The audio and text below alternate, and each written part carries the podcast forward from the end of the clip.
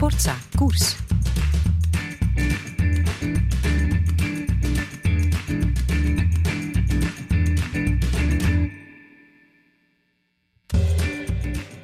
Welkom bij een nieuwe aflevering van Jonge Wolven, waarin we dit voorjaar op zoek gaan naar jonge talenten in de koers. En zo zijn er nogal wat. Hè. Mauri van Zevenand en Ilan van Wilder, zij openden onze reeks. Twee klimmers, zeg maar. Dus hoog tijd om een sprinter aan u voor te stellen. 1,90 meter groot en slank. Geboren en getogen in Lommel. Genoot zijn opleiding bij Balen BC in de Kempen, maar ook bij het Nederlandse opleidingsteam SEG, SEG. Werd in oktober 2020 Belgisch kampioen bij de belofte, eindigde op het podium in de sprintklassieker Parijs Tour en, jawel, werd ploegmaat van ene Peter Sagan, Daniel Os en Pascal Akkerman bij Bora Hans Greuwe. Het verhaal daarachter hoor je dadelijk. Eerst en vooral moet ik Jordi of Jordi zeggen? Uh, Jordi. Jordi, ja. En van waar komt die naam? Want ja, ik heb een collega die ook zo heet en, ik- en de zoon van Johan Cruijff heet eh, Jordi. Ja. ja, ik zou het eigenlijk niet weten of dat een eh, speciale betekenis heeft voor, voor mijn ouders of zo. Dat zou ik eigenlijk eens aan hen moeten. Ah ja, dat heb ik nooit gevraagd. Van Nee. pa, ma, waarom heet ik eh, zoals Nee. ik heet? Nee. Nee, eigenlijk niet. nee. Want de naam komt niet zoveel voor, hè? Nee, dat klopt. Ja. En, en, en zeggen we Meus of Meus? Meus. Meus, ja. Ja. Geen W. Nee, nee, daar... eh, Allergisch voor? Of? nee, Nee. niet allergisch, maar eigenlijk nog nooit eh, heeft iemand het van de eerste keer goed gezegd. Ah ja, Bij de koersen of, eh of journalisten altijd Ja. eh Meus of ja, ja. Meus. Dus Jordi Meus. Ja, inderdaad. Prima. We zijn hier bij jou te gast in, in Lommel. Ben je ook van Lommel? Ja, Geboren en getogen? Ja. En, en wat heb je als kind eigenlijk gedaan? Altijd al gefietst of ook nog andere sporten? Ehm, nee, ik ben eigenlijk begonnen met voetbal toen ik een jaar of vijf, zes was. Ik kom uit een voetbalfamilie. Ehm, al mijn neven en, en onkels die hebben gevoetbald. Ehm, ik ben ook begonnen. Maar uiteindelijk is het toch fietsen geworden. ja. En was dat dan bij Lommel SK of eh Nee, bij Lutlommel. Lutlommel? Dat is een iets eh, lokaler clubje, iets ja, ja, lager dat, niveau. want, ja. Ehm, Lommel heeft 86 deelgemeenten volgens Ja. mij. Hè? Ja. ja, ja, inderdaad. Oké. En wa- wat was je daar, spits? Of, want je bent groot, was je verdediger? Of? Ehm, goh, in het begin, toen ik heel jong was, toen ik startte, ja, staat overal een beetje. Mhm. Ehm, geleidelijk aan iets meer naar verdediger, inderdaad. Maar toen op een gegeven moment ben ik heel hard beginnen te groeien. Was het vinnige er, er een beetje vanaf.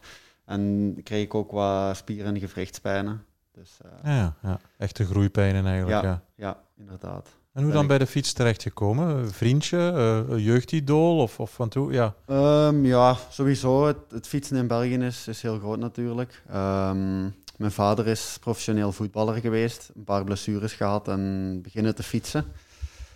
En al snel had ik ook mijn eigen koersfietsje gekregen. Daar heb ik nog eh, in de beginjaren toen ik voetbalde niet veel eh, met gefietst. Maar meer en meer nam mijn vader mij mee op, eh, op fietstochtjes en, en ik vond het echt leuk Ja, ja. zoals ik al zei, met die, met die groeipijnen van bij de voetbal, daar had ik absoluut geen last van op de fiets. Mhm. Dus ehm, zo meer en meer beginnen te Ja, ja. fietsen. Neem me nog eens even mee. Eh, Pa is prof geweest bij wie? Bij Genk. Ah, bij Genk. Ja. Eh, In welke generatie dan? Ehm, hij was toen zelf redelijk jong. Hij is er nu eh, bijna 50. En toen, toen hij daar speelde, was hij 20. Dus heel een tijd geleden. En dan krijg jij de liefde voor de fiets. Hè? Pa neemt je mee, revalideren, hij noodgedwongen. Jij gaat mee. Dat is, op, dat is begonnen eigenlijk zondagse tochtjes dan ook, wielertoeristen. En, en dan gevoeld van, oeh, ik kan hier wel mee uit de voeten, ik ga mij aansluiten, zoiets? Of? Ehm, ja, zoiets. Ehm, ook wat vriendjes in de buurt. Mijn eh, vader fietste dan met zijn schoonvader. Ehm, als we op vakantie gingen, gingen de fietsen altijd mee. En ja, ik genoot echt van het fietsen. Heel speels. Eh, als ik zin had, ging ik. Als ik geen zin had, dan, eh, dan sloeg ik een dagje over. Ehm, Aspiranten begonnen of nog vroeger? Of, ehm, aspiranten. ja. Ja. ja, ja, ja. En ehm, altijd in Nederland gefietst, hier vlak over de grens Ja, bij ja. TWC De Kempen in Valkenswaard. Valkenswaard, ja. Ja, daar gebleven tot ik nieuweling werd. Toen naar Balen BC gegaan. juist, ja. Eh, met veel plezier eh, gefietst, echt als een hobby. En toen verder en verder doorontwikkeld. ja. Wanneer gemerkt van, ja, ik kan overweg met een fiets? Ben je meteen beginnen winnen bij de aspirantjes al? Of? Ehm, ja, ik won regelmatig. Niet, niet superveel, maar ik, uh, ik won een paar koersjes uh, per jaar. En uh, natuurlijk, dan, dan wordt het leuker en leuker en iets serieuzer. En als het goed gaat, dan, dan zijn er ook geen, geen opofferingen dat gemaakt, maar meer investeringen. Mm -hmm. En ehm, ik ben oorspronkelijk eigenlijk begonnen met BMX'en. Oké, ja, ja, Dus daar heb ik tot op de dag van vandaag nog altijd voordeel van, dat ik de techniek heb en, uh, en goed in het peloton beweeg. Ja, dus laatste jaar als aspirant had ik redelijk wat koersen gewonnen. En uh, ja, toen, toen wist ik wel van uh, dat ik, ja, ik goed met de fiets kon, uh, kon Mhm. rijden. Maar natuurlijk, het is nog heel jonge leeftijd. Dus dat, dan. ja. En BMX'en op recreatief niveau of ook al competitie gedaan? Uh, competitie. Ja, iets, ja. iets, minder dan, dan voetbal. Uh, ik denk dat ik in totaal een wedstrijdje of uh, vijf, zes gereden heb. Oké. Echt niet veel, Mm -hmm. maar wel wekelijks trainen in Luiksgestel, ook vlak over de grens Juist. in Nederland. Oké, okay, ja, ja, ja. Want ja, Nederland is uh, BMX'en super populair natuurlijk. Ja. Oké. Okay. En nooit, ja, bedoel, ja, als je BMX doet heb je sowieso geen schrik, maar dat heeft je echt wel ook qua behendigheid geholpen. Ja, van een startberg naar beneden knallen en, en, ja. en een korte inspanning van een half minuutje. Hè? Ja, ik denk uh, sowieso qua explosiviteit dat uh, echt uh, een goede ontwikkeling is. En qua behendigheid op de fiets ook. Want je zegt eh, een paar antwoorden geleden dan naar Balen BC. Het bleef nog altijd speels en leuk. Nu ja, Balen BC is samen voor de jeugd, voor juniors, hè, want je was toen junior, samen met onder meer... Um, van Moer Logistics, hè, toch een van de betere juniorenploegen. Dus ja. Uh, ja. was het echt wel speels? Want ja, de mannen die wel... goed bij de juniors zijn, ja, daar ja. staan de opleidingsploegen bij de beloften al voor in de rij. Hè? Ja, ja, dat klopt wel. Um, dat is ook nog een redelijk uh, leuk verhaal hoe ik bij Balen terechtgekomen ben. Mm. Het seizoen uh, startte iets vroeger in Nederland en stopte natuurlijk iets vroeger dan in België. En dan op het einde van het seizoen uh, pikte ik een paar koersjes in België mee. Eén daarvan was het clubkampioenschap in uh, Geel ten Aard. Dat was het clubkampioenschap van Balen BC. Mm. En uh, daar heb ik vijf keer gereden en vier keer gewonnen. en na de tweede keer dat ik won, uh, kwamen de mannen van Balen BC uh, van... Ah, we hebben gehoord dat je een Belg bent. Waarom rijden bij een Nederlandse club? We zouden nu graag bij Balen willen. Ja, ja. Maar dat hebben we eigenlijk altijd een beetje afgehouden. Tot het moment dat ik nieuweling ging worden. En toen heb ik de stap naar Balen gemaakt. Ja, toen al. En waarom ja. eigenlijk afgehouden? Oh, ik zat goed waar ik zat, uh, bij TWC de Kempen. Ja, het zou eigenlijk voor mijn ontwikkeling en qua koersen die we konden rijden geen verschil maken of ik, of ik wisselde of niet. Ik had mijn vrienden bij uh, TWC de Kempen. En bij de nieuwelingen is het dan iets anders. Iets anders, daar blijft het een beetje kleinschalig, zal ik ja, maar zeggen, in Nederland. Terwijl in België zou er een vooruitgang gemaakt worden qua parcoursen uh, in de Ardennen bijvoorbeeld. Dat is in Nederland net iets minder. Ja. Um, dus toen de stap gemaakt. Balen is natuurlijk een van de, van de beste jeugdploegen mm -hmm. van het land. Maar ja, ik zeg het. het. Het bleef speels en het bleef echt een hobby. Iets serieuzer natuurlijk, jaar per jaar. Maar het is niet dat ik uh, bij de junioren echt dacht aan... Doorbreken of nee, prof worden? Doorbreken, nee. nee. want wat heb je in het middelbaar bijvoorbeeld gedaan? Um, ik heb een beroepsopleiding gedaan gewoon. Mhm. Mm -hmm. um, veel, veel praktijk, iets minder theorie. Ja. Studeren was niet echt uh, ja, ja. een ding zo. Um, en wat precies? Hout? Uh, uh, nee, dat was eigenlijk een heel globale en wijde opleiding. Daar zat een beetje hout in, een beetje schilderen, tuinbouw. Ja, ja, ja. Um, elektriciteit ook. Dus ja, dat was, was een leuke opleiding. Mijn ouders die vonden het oké okay dat ik uh, dat ik naar de beroeps ging, zolang ik maar gelukkig was. En, mm -hmm. en dat was ik. Dus, uh, ja, dat was het belangrijkste, absoluut. Bij de juniors dan, ik heb eens even naar je, je uitslagen gespiekt. Mm -hmm. um, geen veelwinnaar, hè?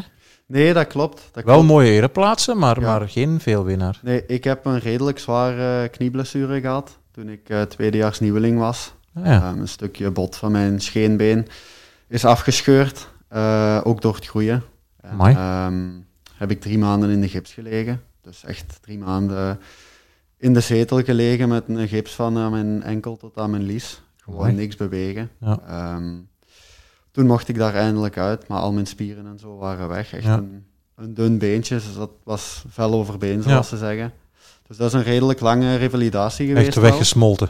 Ja, inderdaad. En ehm, ja, de eerste twee maanden was dat vooral bezig houden met mijn, mijn been terug gewoon te kunnen plooien zelfs. Daar heb ik een beetje een achterstand opgelopen. Mhm. Als tweedejaars nieuweling, uh, junior, sorry, werden mijn uitslagen beter en beter. Winnen niet vaak, maar ik had wel het gevoel dat ik, uh, dat ik gewoon goed op niveau was. Kwam je toen bijvoorbeeld in driedaags van Axel, ik noem maar één wedstrijd, een belangrijke koers bij de juniors, kwam je toen ook al de concurrenten tegen die je later nog altijd bent tegengekomen? Een, een Duitser Max Kanter of een Gerben Thijssen, een Philipsen, want dat zijn een beetje jouw generatiegenoten, hè? Ja, dat klopt. Philipsen zit in mijn vast trainingsgroepje nog, ja, voilà, dus die kom ik... Uh, bij wijze van spreken dagelijks tegen. Ja, want hij woont in Kwaad Mechelen, dat is niet zo ver van Lommel natuurlijk. Nee, ja. nee, inderdaad. Andere mannen inderdaad, zoals Kanter en, en Gerben Thijssen, die uh, kom ik ook nog vaak tegen.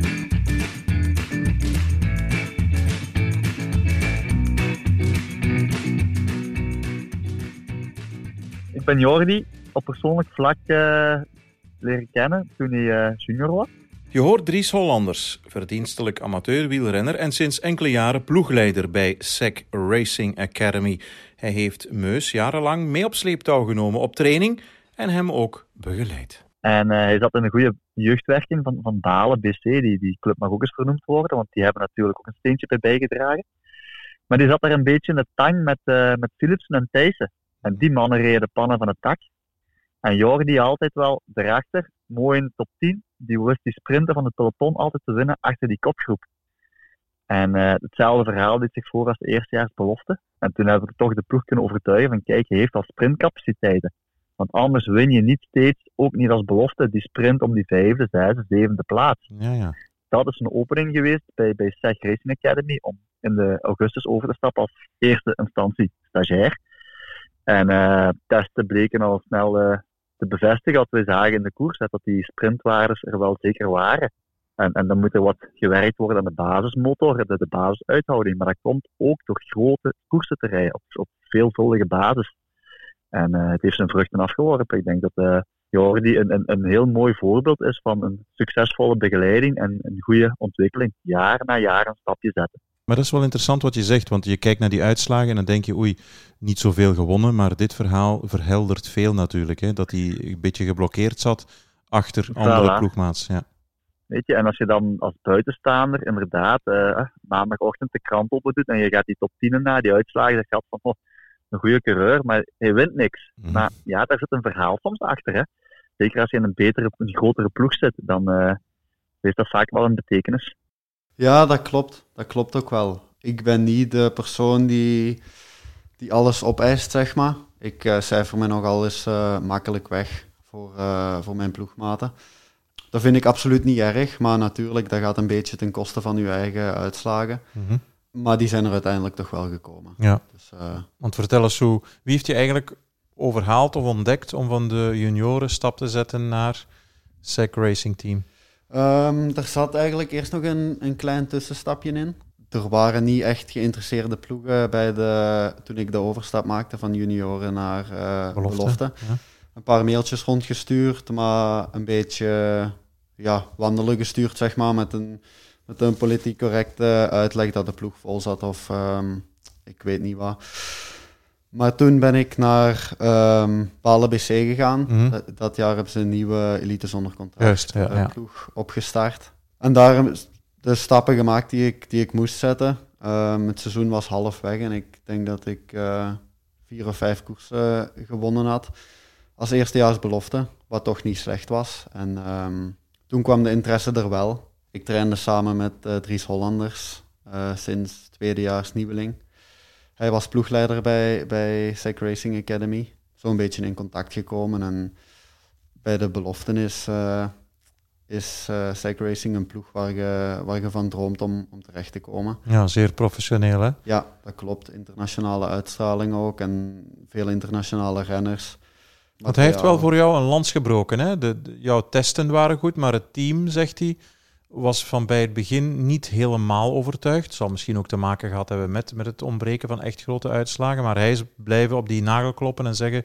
Nee, die, die Meus die kan wel iets. Toen het bekend werd dat hij getekend had bij Bora Hans hebben we er best nog een, uh, een, een, leuke anekdote over verteld. En, en, en, er best mee gelachen ook. Ik zeg, Jordi, weet je nog, je allereerste koers bij SEG was uh, half augustus, Venendaal-Venendaal. En uh, ja, sorry, maar nog 120 kilometer moest hij lossen op de, post, uh, op de postbank. Hè. Mm -hmm. Dat is dan hè, het heuveltje in Nederland. Het stelt echt niet veel voor. Maar dat zei toen wel genoeg op dat moment van, oh, er is serieus nog werk aan de winkel. Gewoon het niveau van wedstrijden, tussen, uh, niet minder waardig, maar rond de kerktoren kermiskoersen rijden en, en die als eerste jaar belofte top 10 rijden. Of in een groot deelnemersveld een UC-koers rijden. En uh, ja, hij zegt, dat had ik toen nooit niet gedacht, dat ik in drie jaar tijd nog deze evolutie kon maken. Maar ja, niet iedere renner is uh, een toptalent als, als junior of, of, super vroeg in zijn ontwikkeling. De ene heeft wat meer tijd nodig dan de andere. En, en Jordi heeft die tijd benut en gebruikt en altijd uh, goed blijven werken. En, ja. ja. dat was mijn eerste koers bij, bij SEG. Ik kwam dan van het elite zonder contractniveau in België en ik werd daar gedropt in een 1.1 profkoers tussen uh, Jumbo-Visma van toen, um, Orica uh, Scott ja. was het toen nog, dacht ik. En echt namen die, die je dagelijks op, op tv zag als er koers op was, daar, daar mocht ik mee meerijden. En um, ik had die koersen gewonnen op, op een lager niveau, dus ja, ik ging met, met goede moed naar die koers. En uh, goh, ik heb daar heel de dag tussen mijn kader gehangen. En uh, toen kwam de postbank. Dat is een klimmetje van, ik denk nog dat het geen anderhalve kilometer is. Ja. En daar rees er mij uh, gewoon tussenuit. En toen uh, terug kunnen komen tussen de auto's een beetje. Later nog eens op de kant weer eraf. Dus Dries vertelde het mij achteraf ook. Dat het... Ja, ja, tussen dat moment ja. en nu, hè, ja. prof geworden bij Bora Hans Grohe, ja, Dat is, je, hebt, je hebt een weg afgelegd. Dat is toch het minste wat we kunnen zeggen. Ja, inderdaad. Inderdaad. Ja, als je nog nooit op dat niveau gereden het was niet abnormaal wat er daar gebeurde. Nee. Ik had het zelf uh, iets minder extreem verwacht, zeg maar. Dat ik er niet... Ja, ik had het gevoel dat ik, dat ik daar nog nooit op een fiets gezeten had, zeg maar. Het was even een wake-up call tussen koersen winnen rond de kerktoren. En plots mannen die gewoon de grote plaat van s morgens tot s avonds kunnen duwen. Ja. internationaal, internationaal niveau. Hè? Ja, inderdaad. Dries zei ook um, dat hij toen zelf ook even gedacht heeft van uh, oei. Ja, hebben we maar de, de juiste keuze goeie, gemaakt. goede set gedaan met hem binnen te halen. Maar ik heb me nooit echt zorgen gemaakt. En ja, ik wist dat dat een proces was waar ik door moest gaan. Mm -hmm. En um, jaar na jaar met de training een beetje op te bouwen en uh, er iets serieuzer voor te leven, heb ik toch de stappen gezet. En, um, ja, want wat, wat, heb je eigenlijk in dienst? Uh, drie jaar heb je gereden hè, bij SEG? Uh, drieënhalf, want ik ben uh, stagiair geworden. Juist, juist, inderdaad. Wat heb je eigenlijk in die drie jaar binnen dat opleidingsteam geleerd wat je op een ander niet zou kunnen leren? Goh. Is dat af en toe internationale ervaring ja. mogen opdoen? Is dat de wetenschappelijke begeleiding die ja, maar dat is op andere plaatsen ook. Allee, ik weet het eigenlijk niet goed. Waarom is dat een goed team? Omdat het bewijst bij jou dat je ja, een goede nationale renner tot nu prof worden. Uh, Het heeft iets opgeleverd. Maar wat was dat dan concreet? Het hele aspect van, van het wielrennen een beetje, denk ik. Van, van domme dingen naar wat steek ik in mijn uh, regentas, tot, um, tot uh, de werking achter, achter het trainen, achter de test die we moeten doen. Het mentale aspect ook. Plus het internationale programma is ook echt een, uh, een heel groot voordeel. Zoals ik al zei, we, we reden die 1.1 koersen.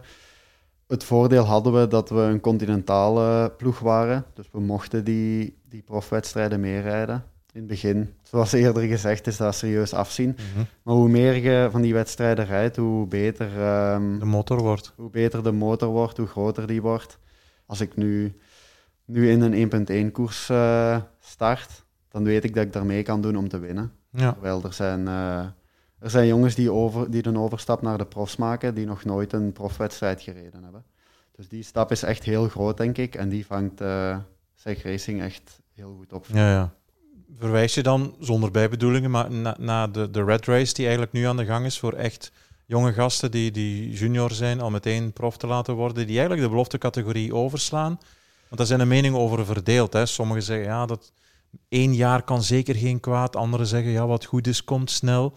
Jij zegt nu ook, het heeft in, in jouw geval heeft het echt veel opgeleverd om toch nog belofte te worden en daar ervaring op te doen in 1.1 koersen te midden van de profs, hè? Ja, dat klopt. Dat klopt. Goh, een echte verwijzing is dat niet. Ik denk ook dat ehm, het wielrennen op korte tijd heel erg veranderd is. Mhm. Ehm, ik startte bijvoorbeeld met een vermogensmeter toen ik eerstejaars belofte werd. En als je nu bij de junioren er geen vermogensmeter hebt, dan doe je al niet meer mee. Nee, dat is waar, ja. spreken. Val je uit de boot, hè? Ja. Ja, de begeleiding is, is beter dan, dan het was, zeg maar. Plus ik denk dat dat het traject dat iemand aflegt eh, voor iedereen verschillend is. Mhm. Voor mij, ik heb de vier jaar als belofte eh, rondgemaakt. Ik zou het niet anders willen doen. Ja, hoe is dat voor eh, jonge gast, te midden in, in zo'n internationaal team ook? Hè? Want ja, dat is overal. Dat is bij Lotto Development ook, bij Sunweb Development zeker en vast. Ik bedoel, daar moet je al, ook al zoeken om in het Nederlands te kunnen praten. Eh, Ja. Maar bij jullie ook, Italianen, Duitsers, noem maar op. Hoe is dat eigenlijk? Daar sprak mij eigenlijk ook eh, enorm aan. Er zijn andere eh, ploegen of clubs die, die een beetje in de, in de lokale sfeer blijven, zeg maar, de nationale sfeer. Mhm. Maar het sprak mij echt aan dat, dat zeg een, een internationale ploeg is die een beetje de, de werking, weliswaar met minder budget, maar de werking van een World Tour ploeg probeert ehm, te, na, na te Ja. bootsen.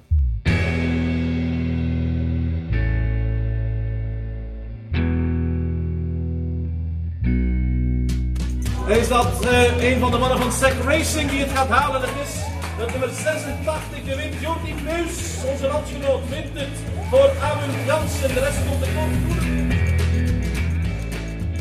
Ik moet eerlijk bekennen, ehm, toen je de Gooikse Pijl won in 2018, herinner ik mij nog dat, dat, dat ik dacht van wie is dat? Want ja, wij volgen dan vooral de, de profs natuurlijk. Noem je dat zelf een soort van doorbraakoverwinning? Of, Ehm, of niet echt? Want ja, nadien zijn ja. nog 2019, 2020 gekomen, maar toch. Op dat moment, ehm, Je, je klopt daar onder meer wel, wel een groene wegen, was daar zevende of achtste. ja, Eh ja, dat klopt. Amund Jansen tweede, dus eh, ja. Die, die overwinning kwam eigenlijk redelijk onverwacht. Achteraf gezien was dat mijn doorbraak ook niet. Nee. Dat was meteen een, een 1.1 dat ik won. Als tweedejaars belofte. Maar heeft dat iets met het vertrouwen misschien gemaakt, om, gedaan, omdat dat toch een eerste grote overwinning was? Goh, ook niet echt Of, ja. eigenlijk. Het, het vertrouwen zat sowieso redelijk goed. Ik ging met, met gezonde ambitie, maar met weinig verwachtingen naar de Gooikse Pijl. Om, juist omdat het deelnemersveld zo groot was. Mhm. En, eh, toen won ik daar, dat was super mooi. De vorm was goed, maar de bevestiging bleef een klein beetje uit. Ja. Het zat er ook niet aan te komen dat ik die koers ging winnen of zo.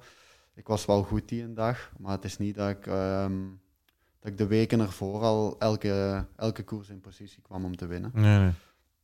Dus die, dat was een heel mooie eh, overwinning. Dat heeft de moraal goed gedaan, maar toen was mijn echte doorbraak nog niet, denk ik. nee. Wat noem je dan wel je doorbraak? Als ik erop terugkijk, dit jaar, eh, of 2020 dan, Ja. de ronde van Tsjechië. Ja. Ehm, Want daar win, voor- win je één of twee eh, of drie twee- keer? Twee Ja, ritten, ja. ja. ja. Dat is voor mij de, de echte doorbraak geweest. Bora was daar ook. En die hebben dan gezien, oei, wie is dat? Die kan nogal sprinten. Ja. Is dat de directe aanleiding geweest voor het contact? Want, want nadien sta je ook nog op het podium Parijs Tour. Je wordt Belgisch kampioen. eh, Ja. Ja, Maar- dat heeft sowieso de, de deur eh, extra geopend. Mijn management, Seg Cycling, ehm, zei achteraf dat er voordien ook al een beetje contact was. Daar was ik niet van op de hoogte, maar Tsjechië heeft, heeft de deur echt opengezet. En inderdaad, voor mijn andere uitslagen die ik, die ik dat jaar gereden heb, ehm, was het eigenlijk al rond. Dus Ja. Tsjechië heeft daar echt wel eh, voor gezorgd. En wat was dat gevoel? Waarom wilden zij jou? Ze wilden mij, ze hebben mij zien koersen in, in Tsjechië. Dat waren niet de makkelijkste koersen. Een beetje bergop ook. Een powersprint op het einde, zeg maar, dat ligt mij goed. Daar waren ze echt door gecharmeerd. En, eh, en ik had een heel vertrouwd gevoel eh, bij dat gesprek. Ze, ze straalden vertrouwen uit naar mij toe. Ze hadden een duidelijk plan. Ja. Wat is dat plan? Mezelf verder ontwikkelen, zoals ik de afgelopen jaren gedaan heb. Voorlopig als sprinter en met ook voldoende kansen in het eh, klassieke werk. En dan eh, op termijn een beetje kijken waar, waar ik het meest eh, in kan uitbloeien. Ah, Oké, ja. Dus dat hou je nog een beetje open eigenlijk. Dat kan nog een, een tweesprong worden. Ja, ja, inderdaad.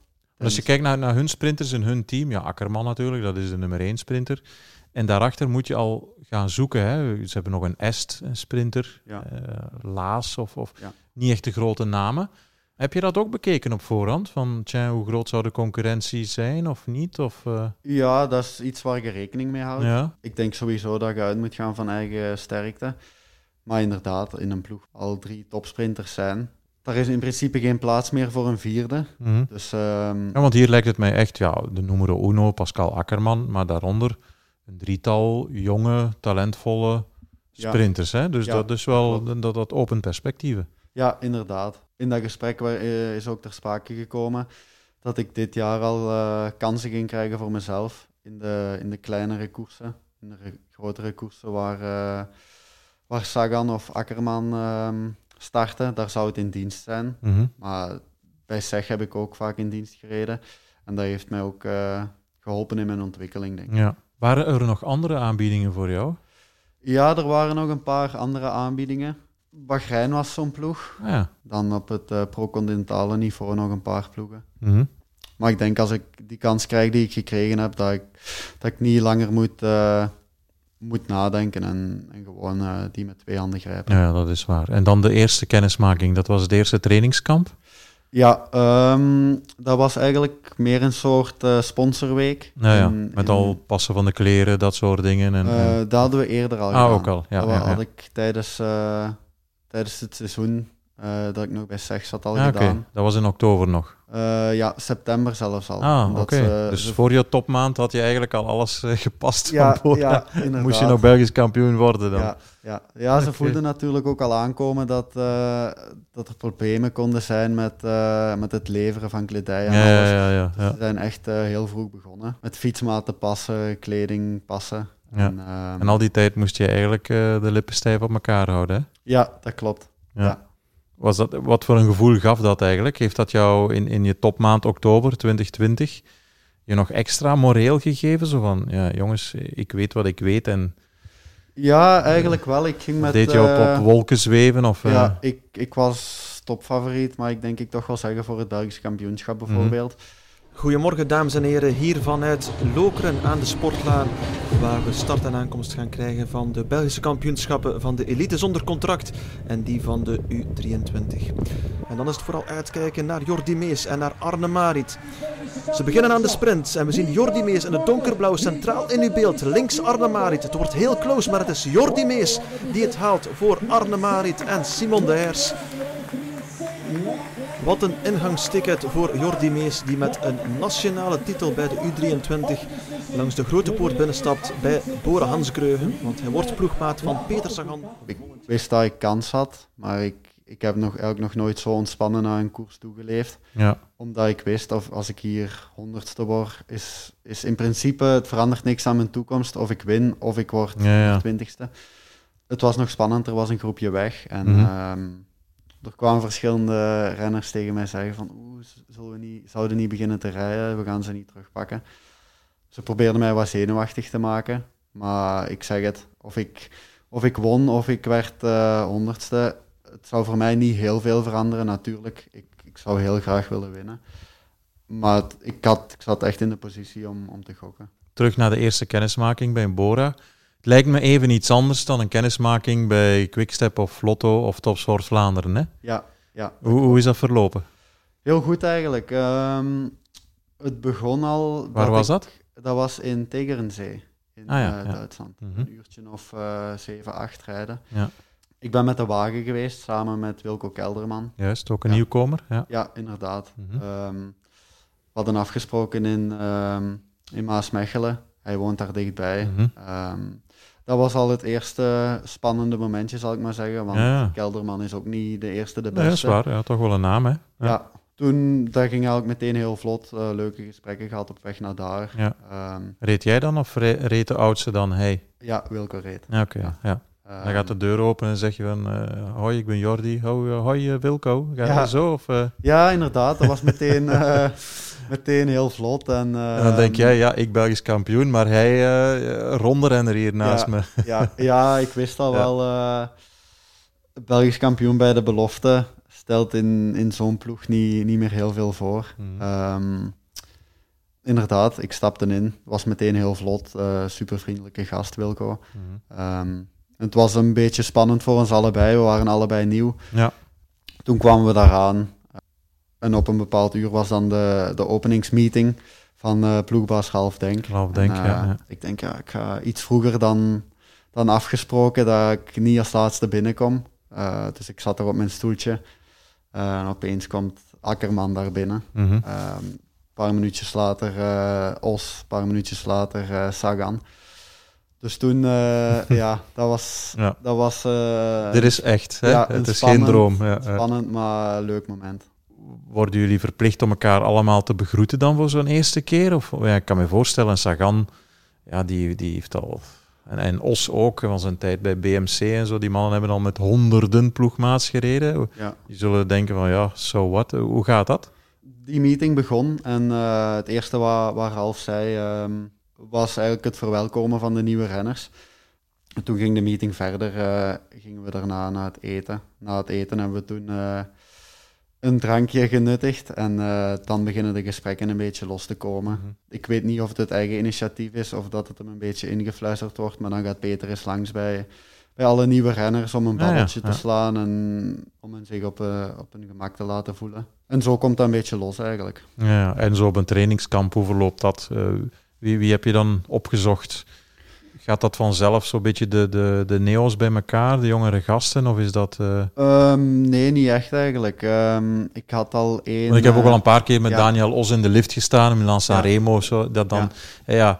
eh, vriendelijk goeiedag zeggen, maar eh, Ja. het zijn niet meteen zo mannen die dan uitnodigen om, ja, je gaat eens een keertje een half uur eh, Nee, dat klopt. over rock and roll tegen beginnen. Dat zo, klopt. ja. Ik had een beetje ehm, het geluk dat ik al een bekend gezicht had bij, bij Borans. Dat was Ide Schelling. Ja, dus eh, ja. twee jaar ploegmaat bij mij bij SEG geweest. Ja.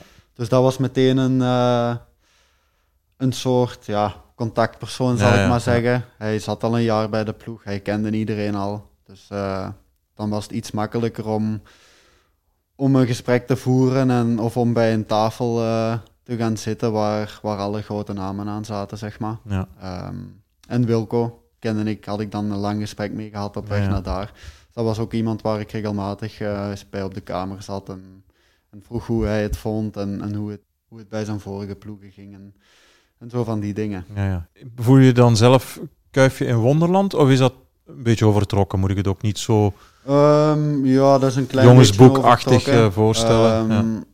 Als je er niet in zit, dan lijkt het natuurlijk super speciaal om, om naast Peter Sagan op training te Ja. fietsen. ja, de jongens moeten ook naar het toilet natuurlijk. Hè, dus, ja, ja. inderdaad. En ik, ehm, ik had er mijn eigen mentaal een beetje op voorbereid, zeg maar. Dat, dat, dat het gewoon zou gebeuren. En, eh, en dan Ja. fietste daadwerkelijk naast, eh, naast Sagan. En dan merkte ook dat die dezelfde interesses hebben. En, en ook gewoon nieuwsgierig zijn naar, naar mijn gevoel dan. Ehm, Ja, ja, als jullie twee aan twee rijden, dan, dan, dan, dan gaat het in zijn gebroken Engels over auto's of Monaco of, of ja, ja, van die dingen. Gewoon over eh, alledaagse dingen waar ik met, eh, met mijn trainingsmakers, waar ik dagelijks mee Ja, op pad ga, ook over praat. Ja. Ja, Lommel en Monaco is eigenlijk eh bijna hetzelfde net, toch? Goed als. Absoluut.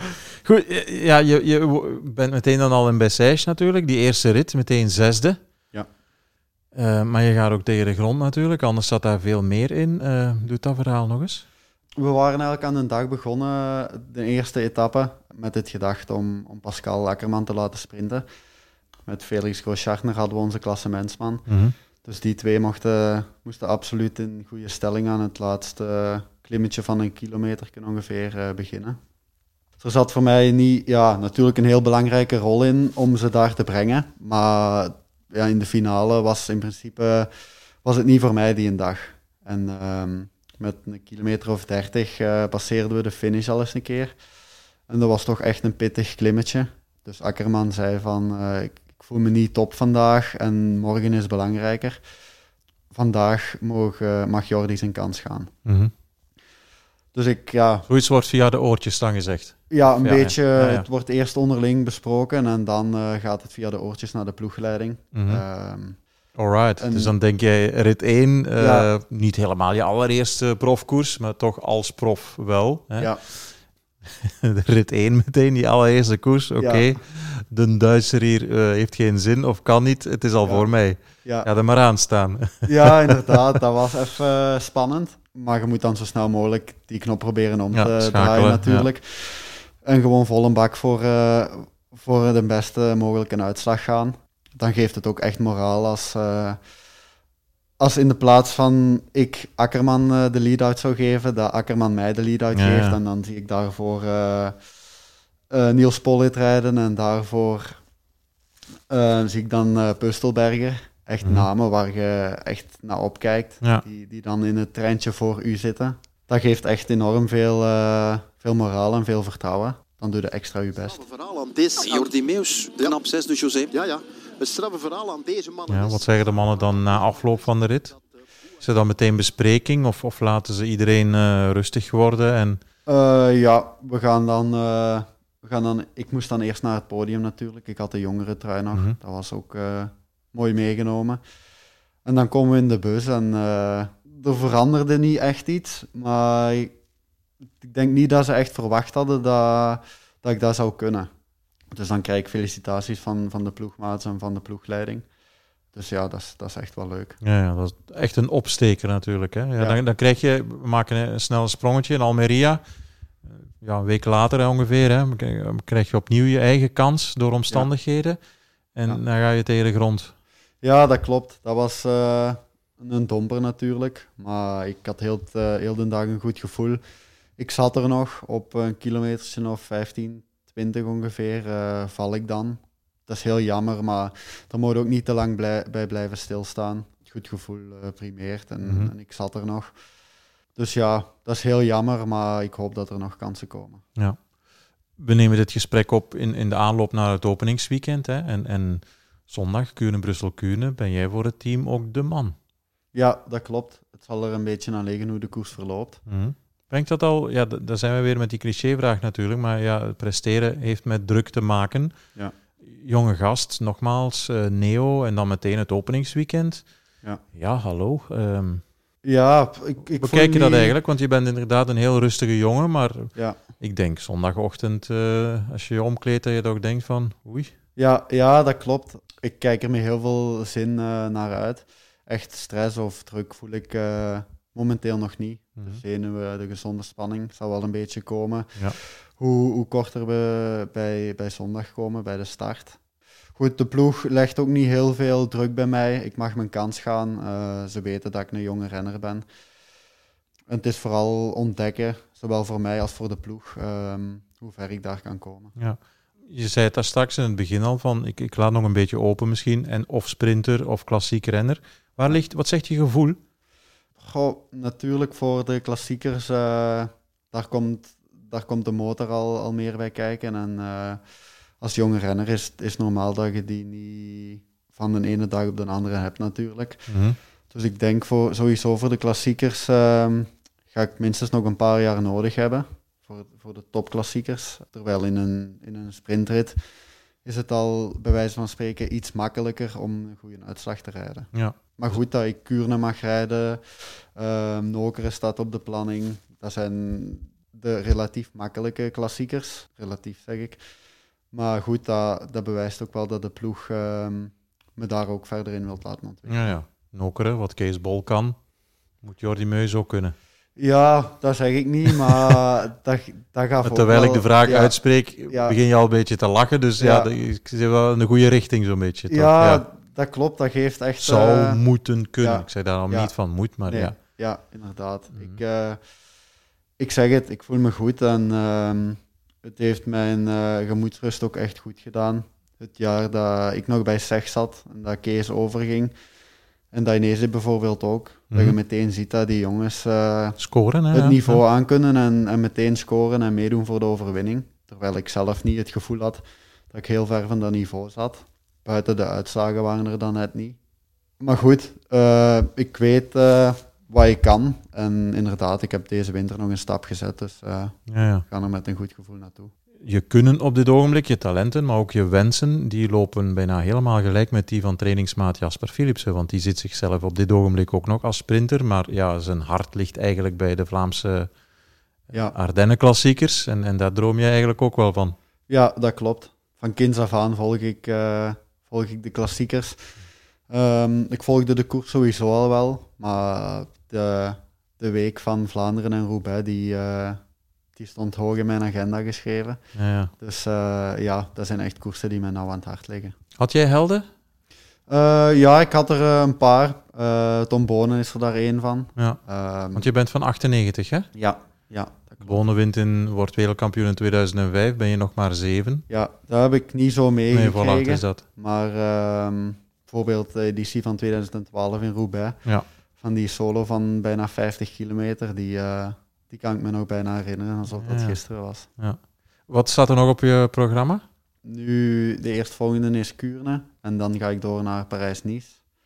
Ehm, gevolgd door Nokere en Bredene, waar ik mijn eigen kans mag gaan normaal gezien. Ja, ja. En dan Catalonië. Sagan, dat is de vraag natuurlijk. Hè. Kan hij terugkeren eh, op het topniveau? Wat kan hij daar nog laten zien? Ehm, ja, misschien is het een vraag die, die eigenlijk niet, niet, niet toepasselijk is. Maar ja, jongens binnen het team zouden kunnen denken van ja, de kopman, als die het laat afweten, dan springen wij in dat gat natuurlijk. Hè. Ben je daar ook mee bezig? Of? Niet? daar ben ik nog Nee. niet echt mee bezig. Ik probeer ehm, vooral mezelf te ontwikkelen, mijn eigen weg te gaan. Ja. Eh, de kansen die ik krijg, die probeer ik, die probeer ik vol te benutten. Maar goed, ik verwacht nog wel iets van, eh, van Peter. Het is ook niet dat hij, dat hij slecht is, zeg maar. Want zijn uitslagen zijn nog altijd top. Alleen het winnen eh, lukt net iets minder makkelijk. Mhm. Ehm, maar hij behoort nog wel altijd tot, eh, tot de vijf beste renners van, van het peloton in mijn ogen. Mhm. Jullie hebben met het team ook een WhatsApp-groep, neem ik aan. Ja. Zoals iedereen. Ja. Eh, wie is daar de grootste grappenmaker in? Ehm, vooral de, het groepje van de, van de Duitsers. Eh dat Ah, ja. is Akkerman, Rudy Selig, Michael Schwartzman. Eh, die gasten vooral, ja. Oké. En is het ook boeiend? Is het ook grappig? Of, eh, Ja, ja, het is wel eh, grappig. Ehm, er wordt niet superveel in gezegd, want per koers of per trainingskamp wordt er nog een ander, ja, ja, ja. een ander groepje gemaakt. Want anders word is je het- zot natuurlijk. Ja, ja, en daar is iets meer interactie in. Ja, ja. Maar er eh, is regelmatig contact met de ploeg. Nog even terug over de jonge gasten, want je zei het ook. Het, het, het, geeft, mij- het stemt mij hoopvol om te zien, bijvoorbeeld een Kees Bol, hè, snelle overgang, Dainese. Er zijn nog een aantal andere jongens van jouw generatie, een Eekhoff, Olaf Kooi, die nu door omstandigheden bij Jumbo-Visma nu al prof wordt, ehm, David Dekker. Die draaien meteen allemaal, of kunnen meedraaien. Heb je daar een verklaring voor? Zoals ik eerder al zei, denk ik dat het, het wielrennen ehm, redelijk veel veranderd is. Hm, properder? Ja, inderdaad, properder. Plus ehm, de begeleiding is van, van jongs af aan echt super supergoed. Eh, iedereen rijdt met een vermogensmeter. Eh, iedereen gaat in december eh, naar de zon op trainingskamp. Ehm, niveau is ook geweldig gestegen. Hè? Je, je Ja. hebt nooit anders gekend, kan het daardoor niet vergelijken. Maar ik hoor ook oudere renners zeggen, het is minder plezant, minder gemoedelijk ehm, geworden, omdat inderdaad de jonge gasten alleen nog maar praten over aantal watt ja, per kilo Ja. en vermogensmeter. ja, En het is allemaal zo serieus en hoogtetent hier en, en tijde daar. En, ja, dat klopt. Ik denk dat dat een eh, van de redenen is waarom de jong gasten meteen, eh, meteen scoren en meteen meedoen. Eh, juist omdat ze er echt heel professioneel mee bezig zijn. Dus ja, ik denk dat daar echt zit. Het, het is een, heb jij al gemerkt dat het een harde wereld is, de wereld van de topsport? Of, Ja, een harde wereld. eh, Of valt het mee, of is het relatief, of moet je dat nog ontdekken? Ik stel de vraag omdat je Ja. eigenlijk, ik, ik vermoed, zoals je overkomt, dat je ook eh, een rustig, kalm karakter hebt. Ja. Ja, Jordi is een, eh, een hele nuchtere, gewone, simpele jongen eigenlijk. Dries Hollanders. Hij is wel een sprinterstype. En ze zeggen meestal een sprinter is een heel aparte figuur en een beetje extravert. Maar eh, Jordi is heel, heel rustig, voetjes op de grond. Zalige kerel om mee te werken. En dat zeg ik niet omdat ik hem goed ken, maar het is gewoon zo. Het is een hele zachte jongen. Ja, in, in toch een, een macho-wereld. Je moet zeggen hoe het is. Eh, hoe ga je daarmee om, of wat vind je daarvan? Ehm, ja, natuurlijk. Je moet zeggen vaak dat je een beetje een, eh een klootzakje moet Mhm. zijn om, om het echt te maken. Ja. Ehm, dat kan ik een beetje bevestigen wel. Of het eh, remmen is en, en de uitslag niet pakken, of, of doorgaan en eh, de uitslag wel pakken. Ik denk dat 99% eh doorgaat met het, met het risico op opvallen of een valpartij veroorzaken. Maar goed, ik denk dat dat in elke sport wel is. En ehm, het is niet de bedoeling om elkaar in gevaar te brengen. Maar het gaat er wel hard aan toe in de finale, ja. Mhm. Moet jij een knop omdraaien als sprinter? Want Tom Steels bijvoorbeeld, hè, ja, beetje mijn generatie, wat ouder. Ehm, heel zachte, lieve man naast de fiets. Maar ja, dat was wel een beest als sprinter. Ja. Eh, jij? Ja, ik heb dat ook wel een beetje. Ik denk dat ik soms nog misschien iets te vriendelijk ben op de fiets. Moet je tegen jezelf zeggen in de laatste 10 kilometer? Ja, oké, nu, nu, nu komt mijn ding eraan. We gaan sprinten. eh, kom aan. Ja, door de jaren heen is dat een beetje gegroeid, denk ik, dat dat automatisch gaat. Vanaf het moment dat ik in, in koers zit, ja, dan durf ik wel eens een beetje wat arroganter te zijn of zo. Maar Mhm. zo, zo ben ik in het dagelijks leven eigenlijk echt niet. Nee, nee. Ter afronding, Jordi, stel binnen 10, 12 jaar, als je een wereldberoemde sprinter bent eh, geworden, hè, en, en, en we mogen nog eens langskomen, omdat je ons toch kent, omwille van een van de eerste radiogesprekken, hè, uit vriendelijkheid. Kijk eens in die glazen bol. Ehm, Wat zou een droomparcours eh, zijn voor jou? echt droomparcours is, eh, als ik dan echt mag dromen, om, om een van de topklassiekers zoals eh, Vlaanderen of Roubaix eh, te winnen. Dat is wel echt een droom. Ja, om gewoon vlot mee te draaien in, in profpeloton. Ehm, elk jaar mijn, mijn koersen kan winnen. En gewoon gelukkig ben in het leven, op en naast de fiets. Dat is waar. We wensen jou daarbij eh, heel veel succes bij het verwezenlijken van die droom. Jordi. Meus, juist uitgesproken. ja, hè? inderdaad. We zullen het nooit meer vergeten. Heel goed. Succes, dankjewel. Heel fijn dat je bij deze aflevering was van Jonge Wolven. Graag tot een volgende keer.